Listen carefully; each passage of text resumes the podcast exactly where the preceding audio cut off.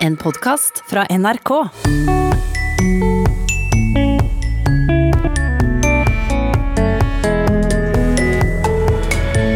For ti år siden kom mobilspillet Wordfeud, og mange ble hekta på ord. Altså, Wordfeud er et veldig avhengighetsskapende, morsomt spill. Kirsti Pjaff Ness var ei av dem, og nå bruker hun tida si på å oppdatere ordlista i spillet. Litt nerdete, men veldig morsomt. Jo, jo og atter jo, hvorfor brukes dette ordet så irriterende ofte, skriver en lytter i et hjertesukk. Jo gjør en enorm jobb.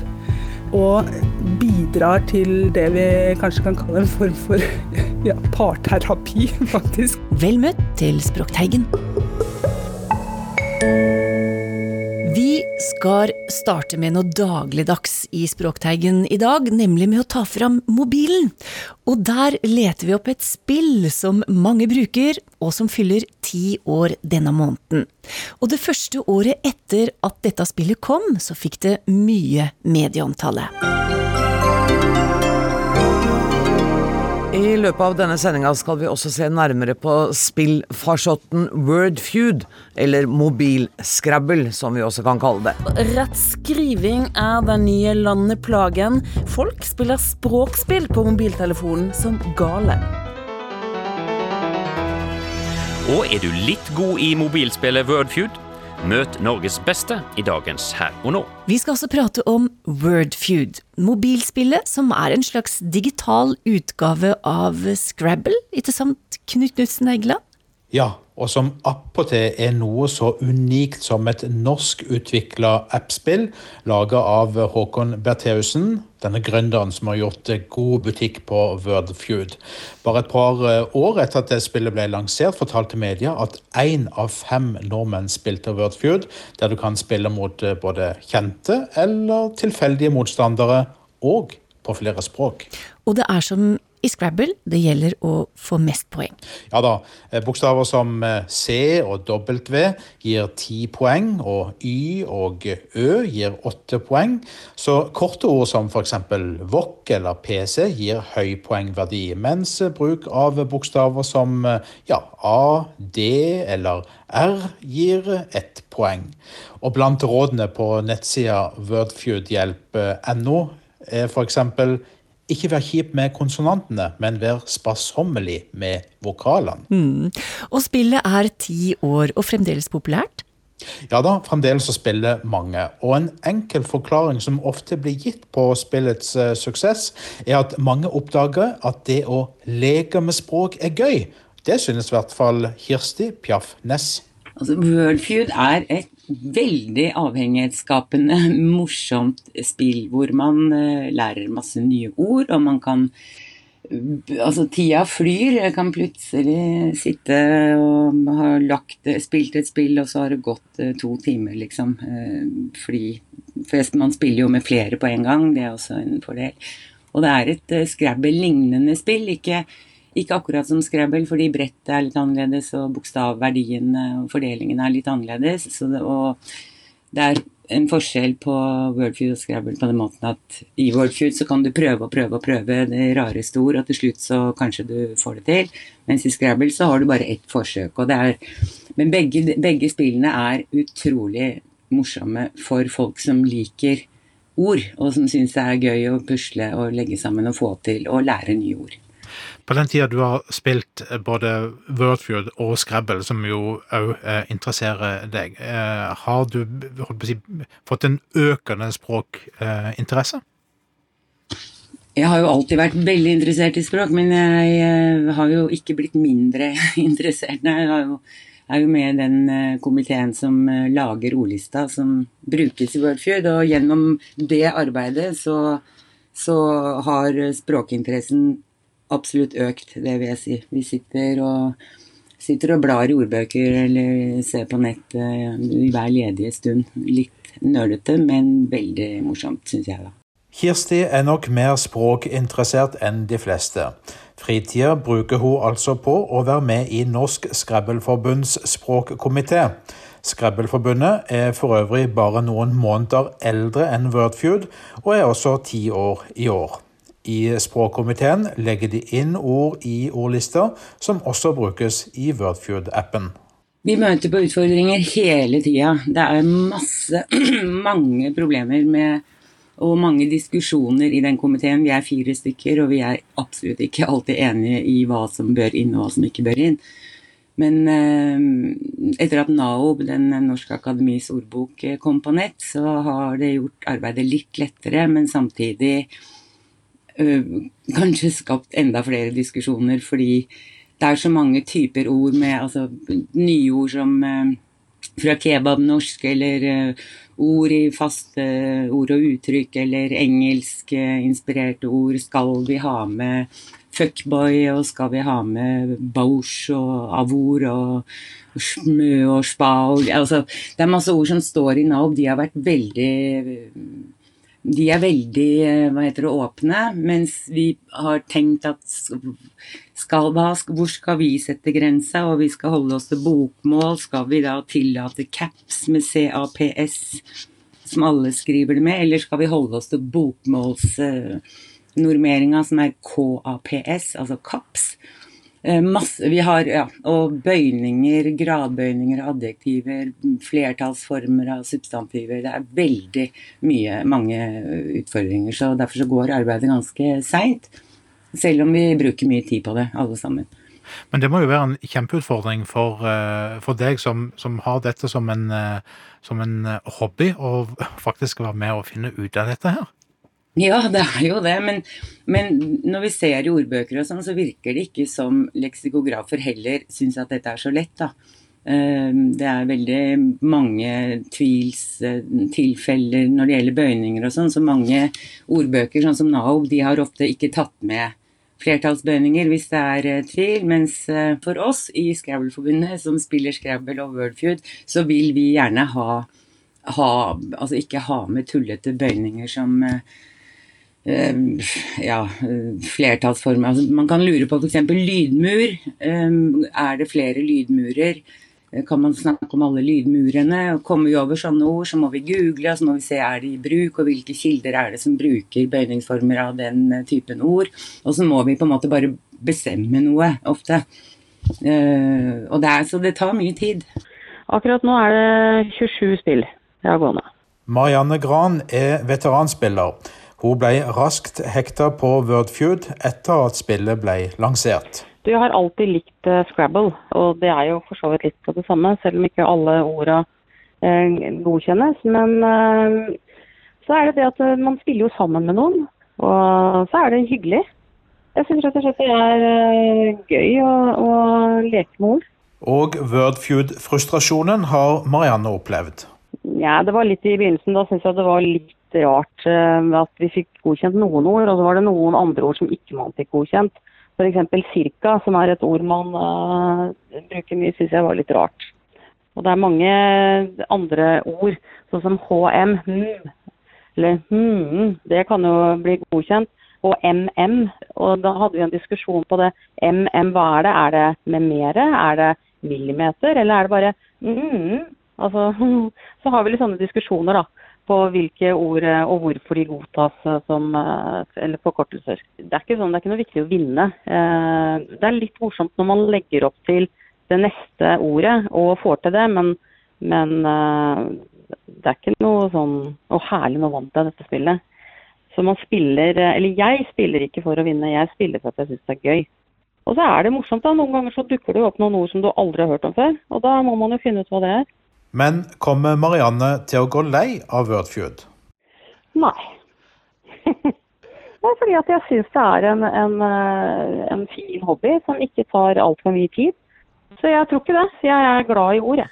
Jeg har jo erfaring nå som uh, spiller, i og med at jeg har uh, registrert meg i år og, og fått noen spill. Dette er en fersk Wordfeud-spiller. Daniel Ims jobber i Språkrådet, der han leder seksjonen for språkrøkt og språkrådgivning. Det er jo utfordringa ved å finne løsninger med de bokstavene en, en har, og det også leite etter å finne lange ord, altså syns jeg er, er, gøy. Men det er jo også gøy det å kunne legge i kombinasjoner sånn at en får mange poeng. Det er jo litt konkurranseinstinkt må en jo ha for å også like Wordfeud. Og dette har du erfaring i å spille sammen med kolleger? Ja, vi har faktisk eh, hatt eh, noen, eh, noen, tevlinger i, i, Språkrådet, så det, det har vært eh, morsomt. Hvordan, hvordan, har det gått med deg da? Ja, jeg, jeg er jo en uh, nybegynner, men eh, det har vel gått greit nok. For jeg har vel fått flere seire enn tap, så jeg må være fornøyd med det. og Daniel Ems tror Wordfeud kan bidra til å lære spillerne språk. Norsk har veldig mange flotte og, og rare ord, eh, og, det er klart mange av dem dukker opp i, eh, i Wordfeud, eh, sånn at en en kan få seg noen overraskelser. At en ikke visste at det ordet eksisterte, og eh, det er alltid morsomt. Og Daniel Ems har opplevd noe andre Wordfeud-spillere òg har opplevd. Å legge inn ord som ennå ikke er godkjente ord. Ja, det, det, må jo den mest irriterende, får jeg vel si, eh, opplevelsen jeg har hatt. Det var eh, da jeg trodde jeg skulle legge en vakker bingo, som da også skulle gi både kombinasjon av dobbeltpoeng og trippelpoeng i epifani. Men det lå da ikke inne i, eh, i den ordbanken som Wordfeud bruker, da. Irriterende? Ja, det er jo irriterende der og da. Så må en finne på noe annet, da. Det sa en fersk Wordfeud-spiller, seksjonssjef Daniel Ims i Språkrådet. Og neste uke så møter vi en spillekspert som mener skolene burde bruke Wordfeud enda mer i undervisninga. Og reporter var altså Knut Knutsen Eigeland.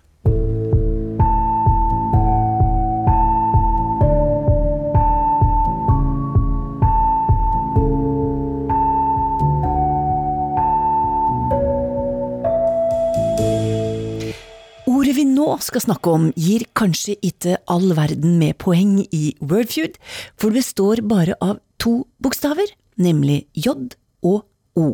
Altså jo. Det er Nick som skriver til oss om dette lille, men akk så mye brukte ordet, som en sier. Og det var alle de lange nyhetssendingene i forbindelse med koronakrisa som gjorde en oppmerksom på det.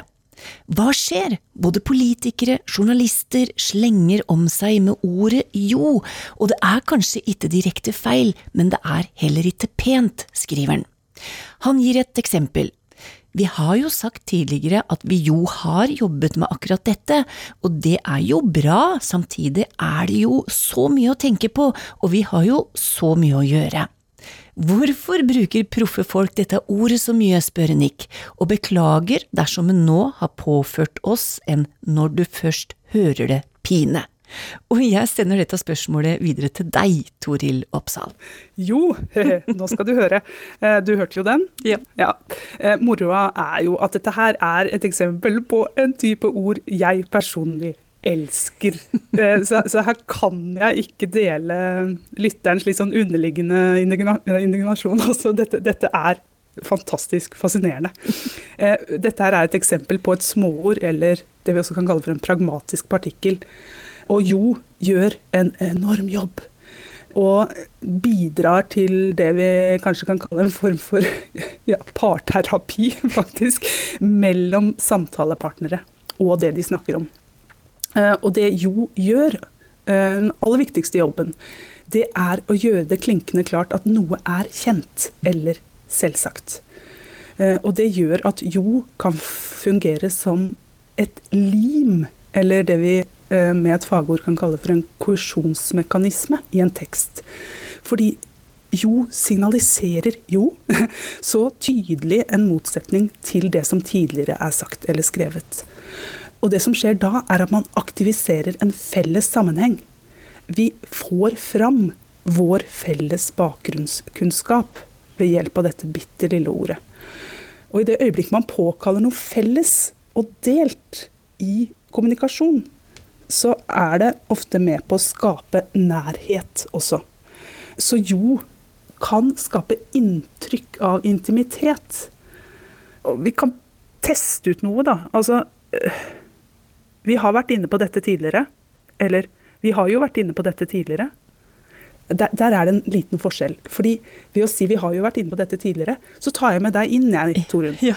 Jeg, jeg, forutsetter at vi har et felles fundament. Og sånn kan det også fungere som en høflighetsstrategi. Eh, fordi du kommer litt heldigere ut, for kanskje du hadde glemt at dette har vi vært inne på tidligere. Men, så, så, og, og, hvis jeg hadde droppa jo her, så hadde jeg også åpna for muligheten for at du ville tolke dette som en anklage av og til. Sånn sett så kan jo også bidra til følelsen av anklage. Eh, særlig i de tilfellene hvor man ikke kjenner seg igjen i det samtalepartneren sier. Vi har jo snakket om dette tusen ganger. Eh, eller helt benektende. Det var jo det jeg sa. Ja. Så, så, så her, her, er det et spill. Og det stopper jo ikke der, fordi jo blir jo brukt som en interaksjon. Eh, når vi bekrefter innholdet i spørsmål. Dette ordet er da ikke særlig pent. Jo, det er det. Så, ja. så der har også jo en funksjon. Og det er mange flere. Eh, så jeg tror poenget mitt her er at jo i noen tilfeller er nødvendig. Men brukes jo mer nå enn tidligere? Er det mer jo? Ja, det var det. Det, var det. Og er det for mye jo? Ja. Altså, jeg har ikke funnet noen tydelige mønstre som peker i den retning. Altså, jeg tok noen stikkprøver i noen av de talespråkskorpusene, altså opptak uh, av ulike aldersgrupper og, og, generasjoner. Og det er ikke noe som tyder på at det er noe vi bruker mer. Men en ting som er sikkert, er at vi hører det mer. Mm. Uh, og det er fordi dette primært er et muntlig fenomen. Eh, og vi hører flere samtaler og dialoger og eksempler på uforberedt tale i offentligheten nå enn det vi gjorde for ikke så forferdelig lenge siden. Er det òg et ord du putter inn for å få en liten tenkepause i det du skal si videre? Eh, det er det også. Og da kan det ha vært mye av det i koronanyheter, hvor det har blitt holdt gående over lang tid, lange sendinger, programledere som kanskje putter inn et jo for å klare å vite ut hva det skal si videre. Det har du nok helt rett i, og dette er jo også et godt poeng, fordi disse eh, sendingene har jo tatt opp Du hørte jo, ikke sant? Mm. De har tatt opp og gjentatt og utvikla og utvida veldig mange av de samme nyhetssakene. Eh, så når du treffer igjen lytterne dine etter tre timer, så er det eh, altså Det er en høflighetsstrategi som ligger ja, nær sagt oppi dagen, å bruke et jo der. Vi har jo vært inne på disse tallene tidligere i dag. Eh, og uten jo så ville du markere en avstand i noen tilfeller.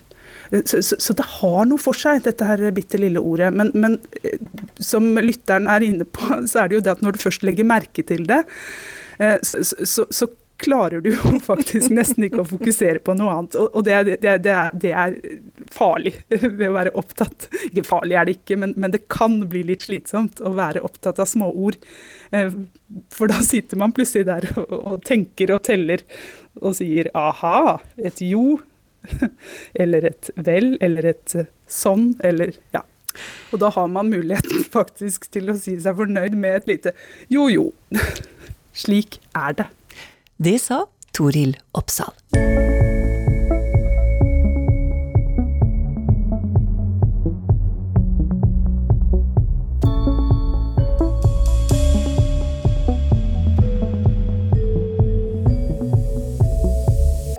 Vi har flere lyttespørsmål i Språkteigen i dag, og nå er det Tor Erik Gjenstad som er på plass for å gi svar. Det første spørsmålet kommer fra Bodil Ulimoen. Hun skriver Hjemme i Nordre Land så brukte mor mi og andre voksne ordet busthivil om en ustyrlig og oppfinnsom person. Kan dere si noe om opprinnelsen til dette ordet, spør hun. Ja, busthivil, ja. Eh, det ser ut som en variant på ordet bustyvel, som er et gammelt ord for pinnsvin, faktisk. Åh. ja. Uh, bustyvel på norrønt heter burstigul. Og den igul der, det er vel eh, som i svensk igelkott, ja. og tysk igel, som betyr pinnsvin. Uh, og så har det forandra seg litt. Uh, men det er jo kjent i uh, forskjellige varianter som eh, skjellsord. Eh, Ivar Aasen fører det opp fra Toten om et hissig dyr og en arrig tingest. Så da begynner du vel å nærme det. Det finnes ei arkivoppskrift fra Nordre Land, og det skal ha vært bruka om ei stygg gran. Litt sånn bustete.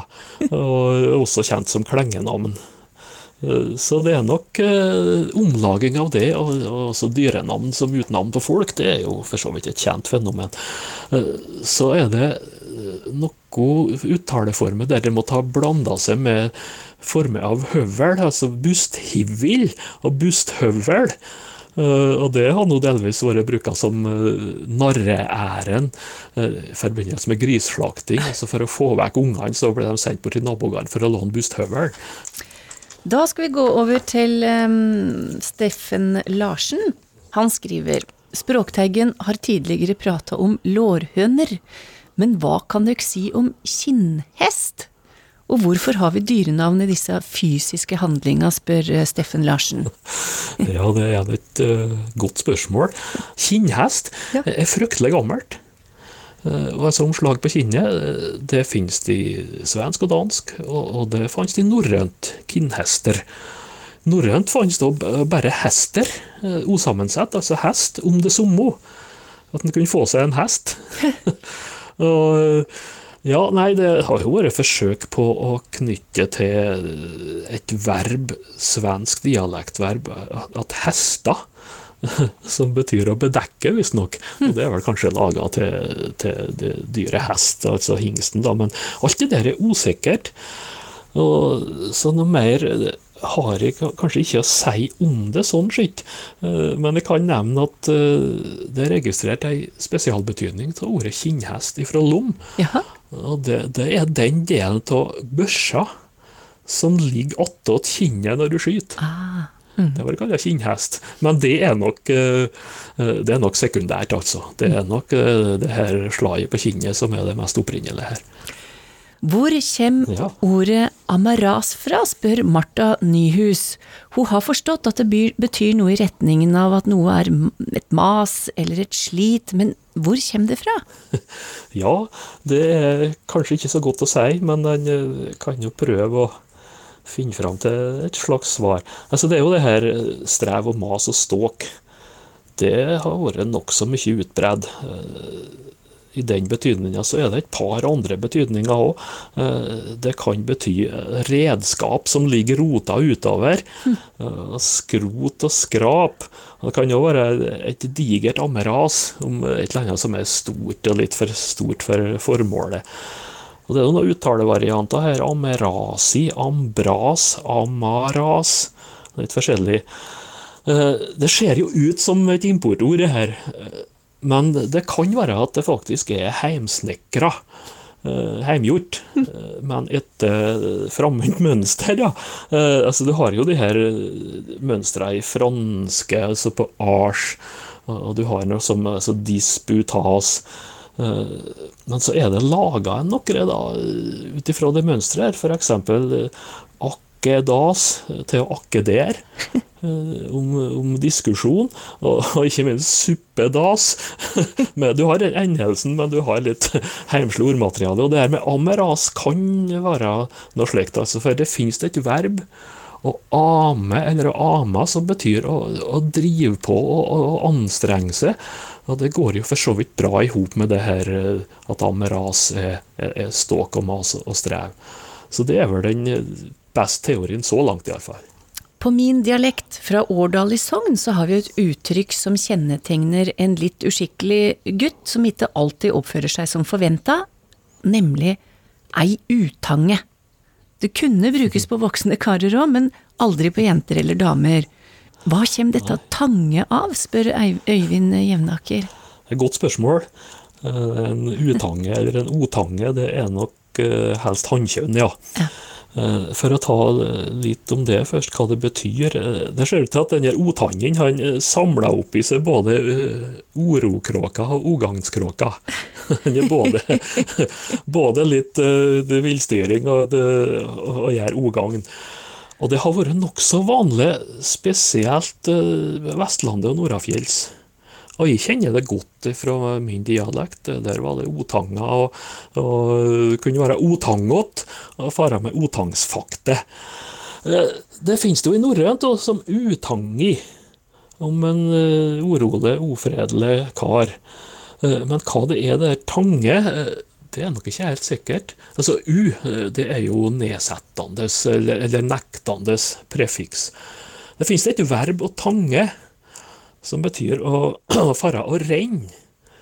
Eh, og det er snakk om at eh, geita tanga og flaug. Og tange er også brukt som geitnavn. Så om det er det som eh, går inn der, men helt uh, klart er ikke det der. Og så har det jo løst seg ut, uh, slik at oppe i Rennebu der har de en annen sammensetning. Der er det en farktange, uh, som er nærmest det samme som en otange. Vi har òg fått et, noen spørsmål fra, fra Roy. Han eh, sier hei, jeg fant ei liste med underlige ord som kunne være interessante å vite opphavet til. Og det første han eh, stiller spørsmål om, det er å fjelga seg. Ja, så kan jo ta det først, da. Ja. Eh, Å fjelge seg, det, det betyr jo rett og slett å, å gjøre seg fin og rein, og, og pynte seg. Og det ser ut for å være eh, spesielt eh, så vestafjells og nordafjells, da, at de eh, kunne hatt det der. Og det er jo rett og slett annet til det radioaktive fjelg, som kan bety ryddig, rein, renska og pynta. Det motsatte er jo ufjelg. Så, så enkelt er vel det, men det lever vel stadig vekk som dialektuttrykk en del plasser. Og så spør han om drått. Og det betyr altså at skyene har stor fart. Hva kommer det av? Ja, eh, skytrekk, ja. Eh, nei, det kommer jo rett og slett av å dra. Eh, så det er skyen som drer, som drar. Det er jo akkurat som trekk. Det henger jo sammen med å, å trekke eller å trekke. Og det jo er det her drotten i skyen, det er kjent fra Vestlandet, Trøndelag og Nord-Norge, det òg. Det kan være særlig hvis det er annen retning på, på skydrotten i øvre luftlag. Der går det annen retning enn det, det lavere. Det, det skjer av og til. Så da kan det være drått, og også drag og, og drette, drette. Trøndere sier sulten, men på nordmørsk så sier vi hungrig om å være sulten. Og da spør Torkil Ulveig Resheim hva er greia, hvorfor ligner nordmørsk på engelsk? Ja, det er nok ikke bare på Nordmøre de har vært hungrig. Nei. Eh, Det finnes i Trøndelag òg, og det, det finnes eh, flere plasser, eh, både nordafor og syndafor. Delvis med en suffiksvariant hungrau. Og slik som jeg kommer jeg det hjemme for oss, så var det særlig den eldre generasjonen som kunne si at de var hungrau. Mm. Senere så ble det sulten. Men det minner jo om engelsk, ja. Men eh, det er jo ikke bare engelsk. Du har hungrig både på svensk og dansk, og du har hungrig på tysk, du har noe tilsvarende på nederlandsk. Og substantivet hunger om svolt, eh, det fantes allerede i norrønt. Så dette her ser ut som at det er en, eh, et felles vestgermansk ord, et felles språkarv, og ikke nødvendigvis noe eh, lån att og fram. Det er nedarva fra gammelt. Det var siste svar i Språkteigen i dag. Takk til Tor Erik Gjenstad. Har du et spørsmål om ord og uttrykk eller andre fenomener i språket, så skriv til oss på e-post teigen krøllalfa nrk.no. Vi høres om ei uke. Ha det bra. Thank you.